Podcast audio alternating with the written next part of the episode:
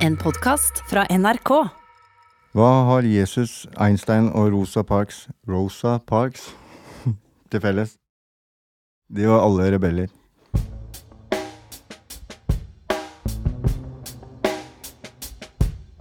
Du hører på Røverradioen. Vi sender fra hovedstaden i rebelland, nemlig Oslo fengsel. Jeg heter Christian, og ved min side står Sam. Hei, Hei, Sam.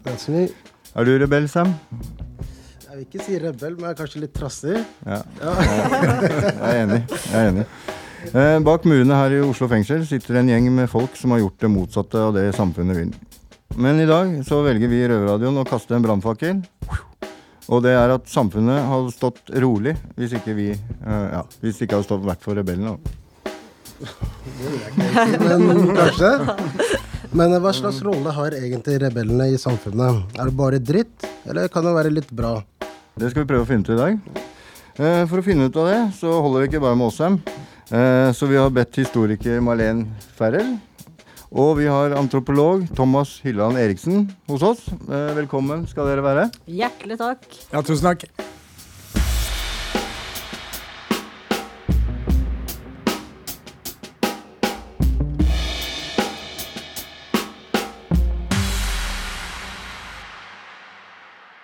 Men jeg vil starte med Thomas. Har dere vært i fengselet før?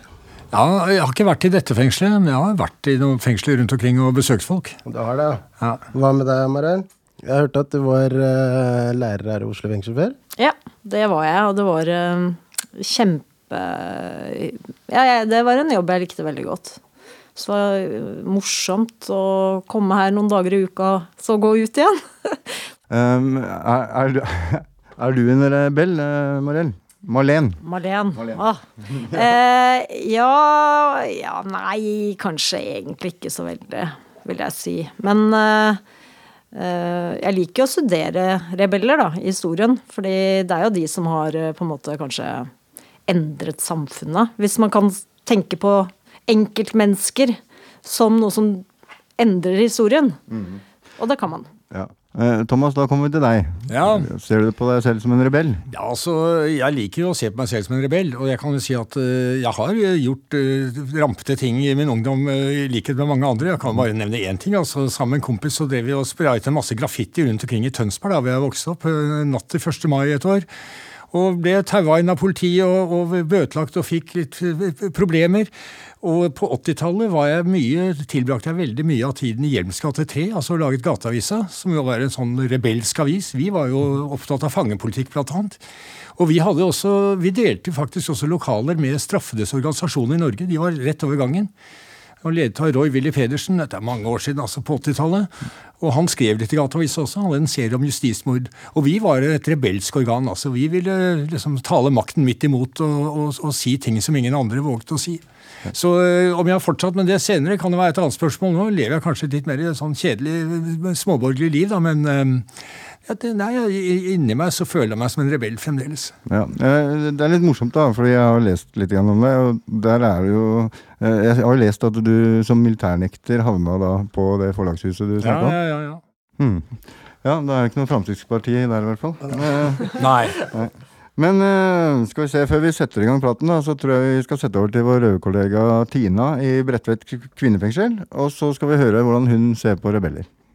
Hva er en rebell? Skurk eller helt? Jeg har forsøkt å skrive ned noen ord om rebellen, men før jeg kan tenke på hva ordet betyr i en litt større kontekst, må jeg definere overfor meg sjøl hva ordet rebell egentlig innebærer. Jeg har sett på en hel haug med definisjoner og kommet fram til følgende. En rebell er et menneske som våger å følge sin egen overbevisning og stå opp mot overmakt og autoriteter til tross for store personlige konsekvenser. Så ifølge min definisjon av rebellen, så er han ikke så mye James Dean som eh, Mahatma Gandhi. En som kjemper hele livet, ofte uglesett av det etablerte, men som etter sin død eller på slutten av livet får heltestatus. Rosa Parks, som trosset rasebarrieren og satte seg i den hvite seksjonen av bussen. Suffragetten i England, som risikerte liv, helse og fengselsstraff for å få de rettighetene vi kvinner tar for gitt i dag. Alt dette endra vår verdensoppfatning, men ikke glem at det var én dame som var den første kvinnen til å ha på seg bukser også. Verden går altså videre, men den går ikke videre av seg selv. Vi trenger rebeller som pådrivere for fornyelse og forandring. Da jeg satt fengsla i Sverige, hadde avdelingen jeg satt på forferdelige soningsforhold. Jeg var en av pådriverne til en streik som resulterte i varige endringer. Selv om den personlige kostnaden for meg var tre måneder i isolat i kjelleren, så syns jeg det var verdt det. Jeg og mange med meg fikk nyte godt av de endringene vi skapte. I kriminalvårdens øyne var jeg og mine handlinger skurkaktig, uønska og noe som måtte straffes, men mine medfanger så det derimot ikke sånn. Det å gjøre noe rebelsk handler om å stå opp for det man mener er moralsk riktig. Det kan være stort, det kan være lite, men det får som oftest store personlige konsekvenser. Det å straffe rebellen er nemlig en tradisjon like gammel som selve samfunnet. Så da vil jeg avslutte med et sitat fra John F. Kennedy, noe som egentlig handla om romkappløpet, men som jeg syns beskriver rebellen godt. Vi gjør det ikke fordi det er lett, men fordi det er riktig.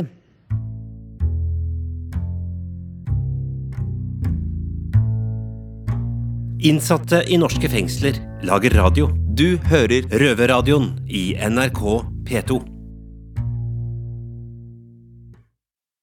Eh, ja, det var Tina som sitter på Bredtvet kvinnefengsel. Eh, hva tenker dere? Er dere enig i definisjonen hennes? Ja Det handler for meg egentlig om å Altså, det er lett å tro man er et godt menneske, men ofte når det koster noe, det er da man skjønner hvorvidt man gjør et godt valg eller ikke. Så det handler veldig også om etikk, egentlig. At man en, handler ut ifra en sånn rettferdighetstankegang eller den slags, da. Så Tina er en ekte rebell, med andre ord. Hva mener du? Ja, det høres sånn ut. Ja, jeg, er for så vidt enig, enig i det. Altså, men du kan si at det, det er kanskje to, i hvert fall minst to måter å være rebelsk på. Da. Det ene er at du opplever at det er veldig mye urettferdighet rundt deg. ikke sant? Og det, dette vil du ikke finne deg i, og da gjør du opprør, selv om det kanskje kan koste deg både liv og helse. og og så videre. Altså, de som var mot uh, apartheid i Sør-Afrika, f.eks., noen av dem de havnet jo i fengsel, de ble torturert, ikke sant? og noen ble drept, som Steve Biko. Og det var jo ikke fordi de selv nødvendigvis uh, hadde det så fælt, men det var fordi systemet var urettferdig. Og så er det rebellene som bare vil ha frihet, altså. Som, mm. ikke sant? som vil ha personlig frihet. Og det er ikke noe gærent i det heller, det er bare at det er en annen måte å være rebelsk på. Hvem er deres rebelske forbilder? Kunne sikkert nevne mange, mange ja, men altså siden jeg liksom driver med forskning og vitenskap, så er det i hvert fall én jeg har lyst til å nevne, og det er Galileo Galilei, som, eh, som fikk kjempeproblemer med kirken da han sa at eh, jorden var rund og, og gikk i bane rundt solen.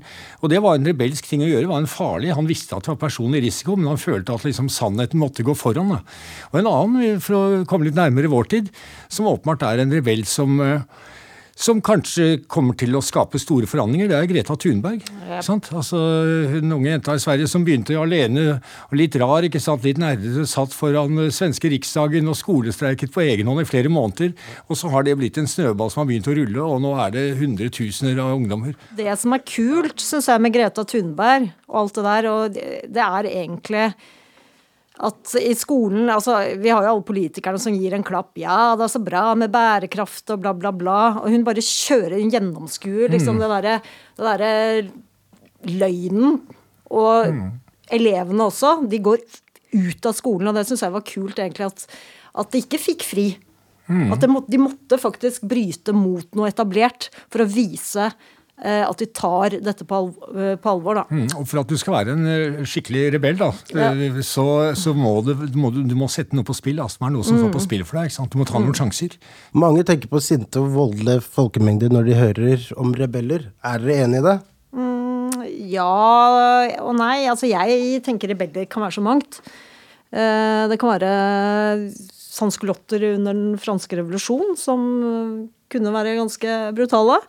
Eh, Men det kan også være sexy rockestjerner på 60- og 70-tallet. Ja, ja. Altså, jeg, jeg- skjønner jo det at eh, de er sinte folk og derfor farlige, men eh, hvis du trenger en systemforandring, så må du ha noen sånne sinte, farlige folk. Og i ettertid så vil man kanskje se at det de gjorde, var helt nødvendig. Og da blir det en sånn destabilisert, litt uheldig, ubehagelig situasjon, og det kan liksom eh, bli kastet på det ene og det andre, kanskje i begge retninger. Men når, men når støvet har lagt seg og man har kommet videre, så ser man at det var faktisk nødvendig med denne type typen aksjonsform for å komme videre. Så i, øyeblikket så er det klart at etablissementet, politiske eliter, mm. økonomiske eliter, de er, de er mot rebeller. De vil ha business as usual. Men hvis man vil ha en forandring, så må man av og til fleske til. Men det skumle, hvis jeg kan si noe, da, det er jo rebeller som blir det etablerte. Ja. Ikke sant? Det, der ligger også, for det har vi også sett i historien, f.eks. den franske revolusjon som endte opp med liksom skrekkveldet, hvor 40 000 eh, folk ble eh, henretta med gigrotin giljotin mm. osv. Så, videre. mm. så, det, så det, er jo, det er jo noe litt sånn skummelt der òg. mm. eh, Malene, eh, Eh, da Jesus levde, eh, mm. hvordan ble han sett på i, i, samfunnet som han levde i på den tiden? Ja, nå har vi jo liksom eh, eh testamentet som kilde. Mm. den fremste kilden. Eh, og det er egentlig ganske omdiskutert. Eh, men veldig mye tyder på at han ble ansett Altså, romerne Eh, mente at han var en opprører. Og det er fordi han ble henrettet ved å bli naglet til korset. Og det var den typiske opp, altså måten de slo ned mm. opprørere på. Så eh, ja, selv henrettelsesmetoden tyder jo på at han ble ansett som en, eh, som en opprører. og veldig mange av de tidlige kristne ble jo oppfattet som opprørere mot hvem? Jo, mot keisermakten i Roma. Eh, sånn at det var jo, De ble oppfattet som politiske opprørere. Eh, nettopp fordi de eh, ikke ville ære andre enn big man himself, altså Gud. Så det ble ansett som en sånn ja, rett og slett majestetsfornærmelse, kan vi si. Og, dag, og, det er jo en del av historien som er helt borte, på mange mm. måter. Jødene fikk jo skylda. Eh, i veldig stor grad av eh, de som skrev testamentet fordi de var redde for å bli forbundet med jøder osv. For det var faktisk et stort jødisk opprør eh, i Jerusalem i sånn rundt år 70 etter Kristus da man skrev ned ting. Så han var kanskje egentlig mer opprører enn det man har tenkt han som, da. Mm. Men det er jo litt tvetydig også med Jesus. Mm. fordi, Og da får du dette med religion og politikk som vi baler med i våre dager òg. Er det to forskjellige ting, eller henger det sammen? Og i så mm. fall, hvordan henger det sammen? Fordi Jesus, eh, han, i hvert fall sånn han blir gjengitt i, i, evangeliene, så mm. sa han jo saker og ting som tyder på at han egentlig var ganske apolitisk. Mm. Så gir keiseren det som tilhører keiseren osv., og, så videre, og så Gud det som er, hører hjemme i Guds rike. Sånne ting. Eh, så han så kanskje ikke på seg selv som politisk, men det ble mm. likevel politisert. Oppfattet. Ja, det ble oppfattet sånn, og mange av tilhengerne hans i mm. Roma, som du også sier, ikke sant, de eh, ja, de var nok eh, De, var en polit, de ble betraktet som en politisk sekt. Altså. Men det som skjedde da, sant, så ble kristendommen statsreligion på 300-tallet.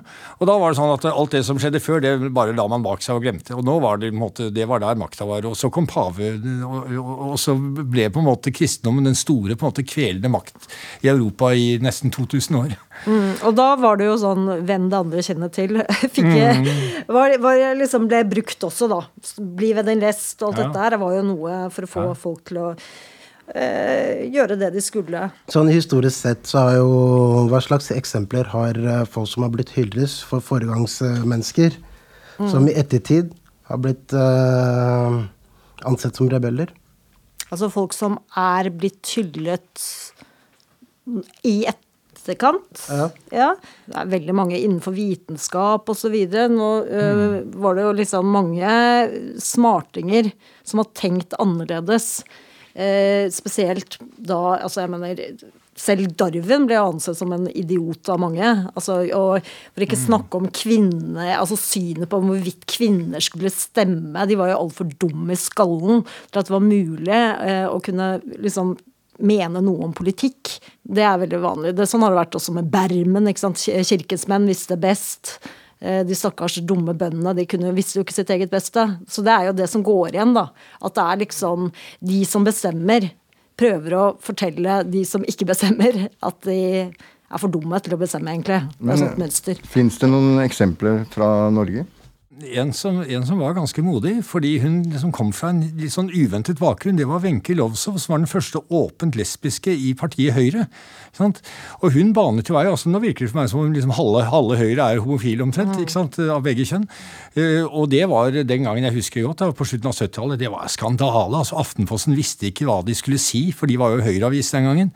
Men eh, hun, hun var jo på sin stillferdige måte en rebell. altså. Og det, Hvis vi ser på homofile rettigheter, kan se på samiske rettigheter, altså veldig mange typer av minoritetsrettigheter. Fangerettigheter. altså En vi var veldig opptatt av i Gateavisa fordi han hadde radikalt syn på fangepolitikk, det var Jens Bjørneboe. Og på en litt annen måte, i akademia så hadde jo kriminologen Nils Kristi, som skrev boka 'Hvis fengsler ikke fantes'. Så, så det, var, det, var, jo en det, det, er jo en måte å være rebell på, fordi da, da har du på en måte trådt over en grense ikke sant, for en måte, den småborgerlige moral og stille spørsmål ved om, om, det egentlig er noe vits i å straffe folk som har gjort noe gærent, eller om det ikke bare gjør vondt verre. Jeg må bare spørre om én ting. Du må ikke svare, men har du kasta egg på Carl I. Hagen før? jeg har veldig lyst til å gjøre det noen ganger, men nei, jeg har ikke det. altså. Har du? Nei, nei jeg har ikke det. Jeg var litt for ung da. Ja, ja. Men hva, hva tenker du om hvordan samfunnet behandler rebellene i dag? Altså, Vårt samfunn det, det, er jo, altså det er jo helt klart, som Mailen sier, at det er veldig, blitt veldig, mye snillere. ikke sant? Altså, Du blir ikke brent på bålet, du blir ikke korsfestet. du kan si det. Jesus han var jo en rebell ikke sant, som uh, satte spor, men det gikk jo dårlig med ham, da, altså, på en måte. Ja, han, ja, ja, både, han, han lever jo ennå, sier noen. Ja, litt, litt, litt, både òg, men han, han ble iallfall henrettet med en ganske annen uh, ubehagelig metode. Um, mens i våre dager så blir jo folk i vår del av verden behandlet annerledes. Men altså, se på Hviterussland. De som demonstrerer i gaten der og vil ha demokrati, de blir jo ikke spesielt godt behandlet. Andre deler av verden hvor uigurene i Kina, ikke sant, som er en minoritet som føler seg fullstendig overkjørt da, av staten.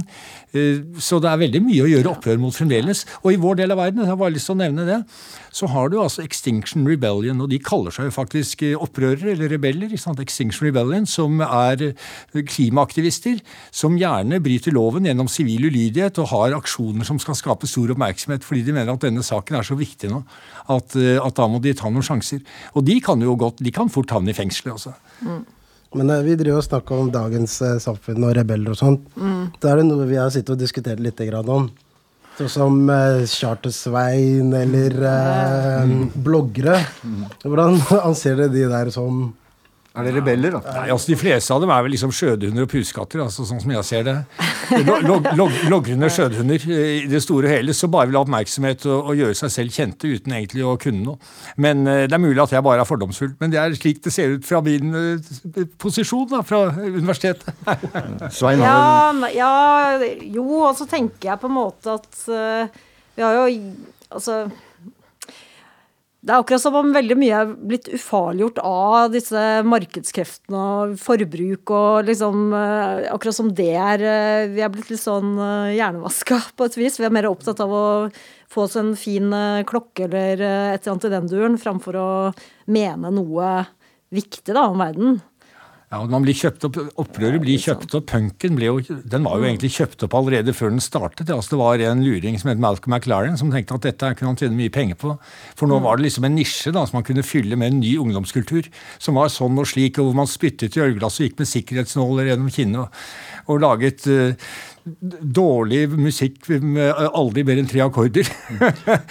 og, og, tenk på, altså, Ti år før så var det jo, da var jo veldig mange musikere ikke sant, de var radikale da. Og de skulle ha revolusjon, og de skulle sånn, slik, John Lennon og alle sammen. Og da hadde CBS, altså største plateselskapet i verden den gangen, hadde en helsidesannonse i Rolling Stone hvor det sto 'All the revolutionaries are on CBS'.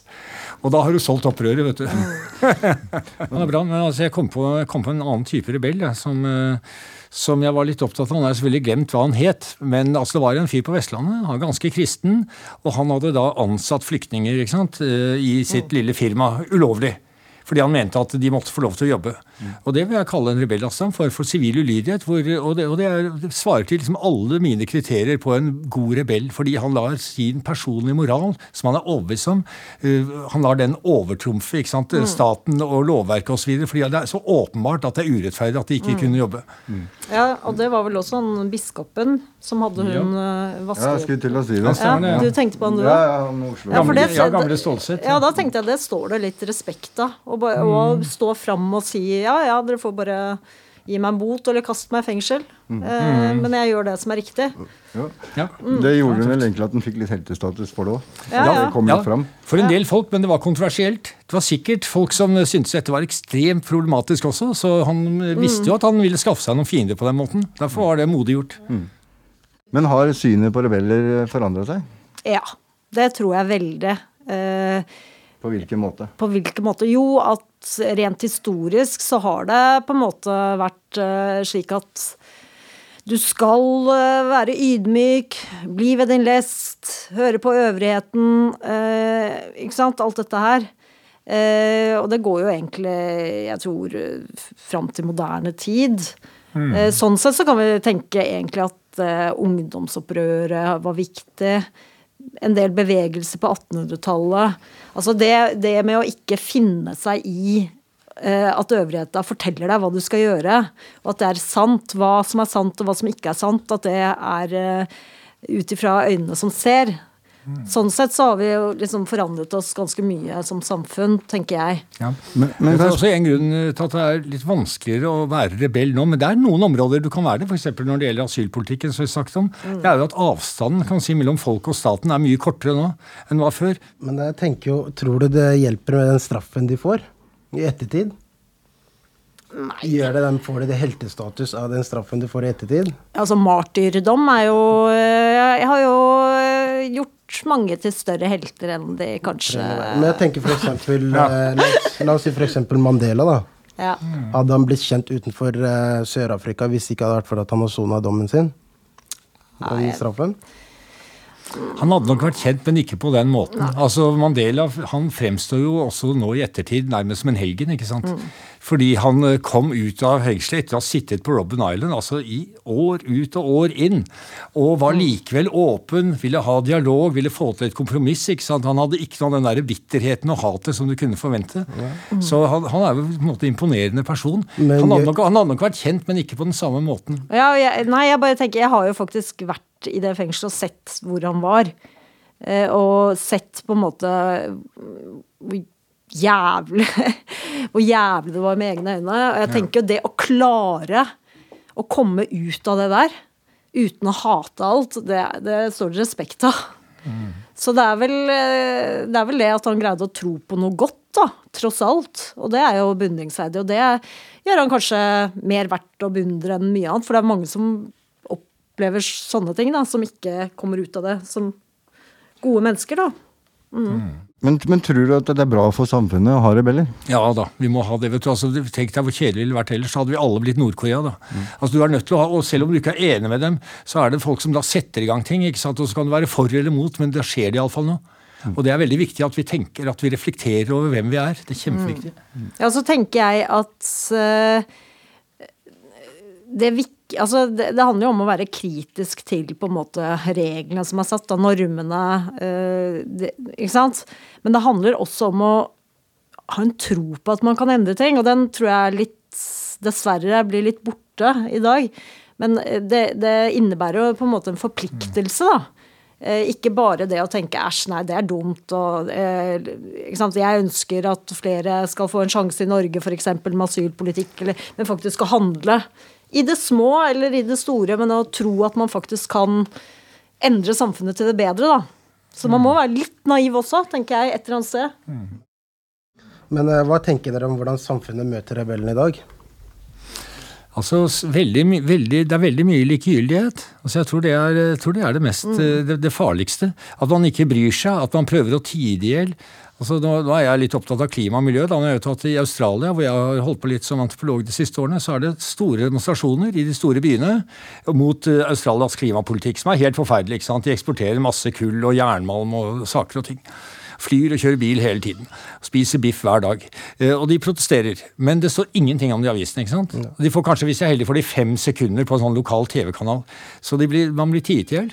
Eh, Og det er noe av det verste. Jeg tror noe av det vanskeligste på å være rebell nå, det er nok ikke bare det at det er sånn der kvelende offentlighet hvor alle er litt enige, eller de er uenige om ufarlige ting, da. Men, eh, men det er også at folk flest i et land som Norge føler at de har det bra. ikke sant? Så hva skal de gjøre opprør mot? Eh, Det er, et- det er et Det er problem. et godt spørsmål. Men, men eh, har dere noen råd da, til oss som sitter i Oslo fengsel, som er litt rebeller? da? Ja, det var vel det med Mandela, da. Å greie å holde på det gode i seg. Jeg tror det. At glasset er alltid halvfullt og ikke halvtomt. Men jeg tror en ting til, da, men det er sånn eh, som gjelder ikke bare for dere som sitter i Oslo fengsel, men for alle mennesker, så tror jeg at det å være opptatt av noe som er litt større enn seg sjøl, altså. Det er så mye selvopptatthet, narsissisme. Jeg ser det på nye norske romaner som jeg følger litt med på. Jeg syns halvparten av dem er sånne kamuflerte selvbiografier hvor man bare snakker om sine egne følelser. Altså Prøv å tenke litt større. Hva er det det jeg gjør, er en del av? Hva er det jeg kan gjøre som gjør at jeg kan bli litt større enn det jeg er? For jeg tror at det er noen historiske perioder da, som gjør oss større enn vi er. Så er det noen som gjør oss mindre enn vi er. Annen verdenskrig, da var det ganske mange som ble større enn de var, fordi de satte livet på spill for å bekjempe den absolutte ondskap, som var nazismen. Uh, har dere noen spørsmål til oss, kanskje? Nå har vi stilt mye til dere. ja, jeg lurer på uh, syne, Føler dere dere som rebeller? Har det vært en, uh, er det en del av selvbildet deres? Tja, hva mener du, Sam? Ja, som vi var inne på i, i begynnelsen, jeg ser ikke på meg selv som rebell, men kanskje litt trassig. Ja, ja. Så Ja. Men det, er- ja, vi vil jo alltid fått det bildet at vi er rebelske, ikke sant? for vi Ja. går alltid mot det de folket eller mangfoldet går imot, da. Eller for. Ja. Så Altså Du føler at du har noe litt rebelsk og, i det? jeg veit ikke om det vil jo bruke liksom som Hvis man skal sammenligne med de store, men ja. Før vi sier ha det, eh, så i åpninga så lanserte vi da påstanden eh, 'rebellene driver samfunnet framover'. Er dere enig i dette? ja. Jeg er enig i det. Ja. Ja. Ikke alle. jeg mener Av og til treffer man ikke. Av og til bommer man. Av og til er det liksom feil uh, skyteskive. Men uh, vi trenger rebeller for å få sangene framover. ja godt å høre. Eh, tusen takk for at dere kom. Uh, historiker og forfatter Marlen Ferrer. Og sosialantropolog eh, Thomas Hylland Eriksen. Takk skal dere ha. Takk. Ja. ja, fint dette her. Det var morsomt. Vanskelige spørsmål. Ja, guri. var bare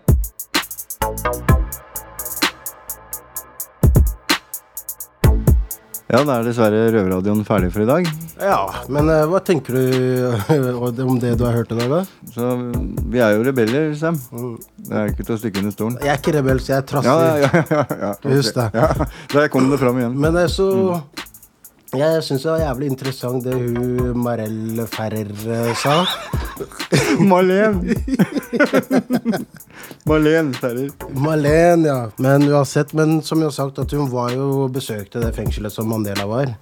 At, eh, at han kunne gå ut derifra med fri tanker og ikke være sur for samfunnet. Jeg er blitt bitter som faen. Ikke sant? Men, men. Sånn er livet. Sånn er det. Jeg går videre. Det gjør det. Ja, men du, vet du hva? Hva skal du etterpå i cella? Da skal jeg se litt TV, tenker jeg, og så kose meg med litt pizzabiter som er igjen. Nice, Og digg. nice. Yes, nei, men da takker vi for oss. Fra Oslo fengsel, vi prates. Prates. Shalabais. Shalabais.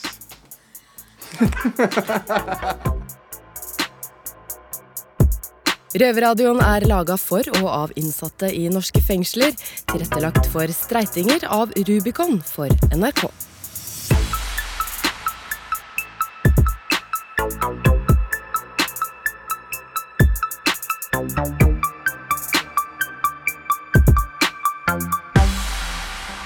Du har hørt en podkast fra NRK. Du kan nå høre flere episoder av denne serien i appen NRK Radio.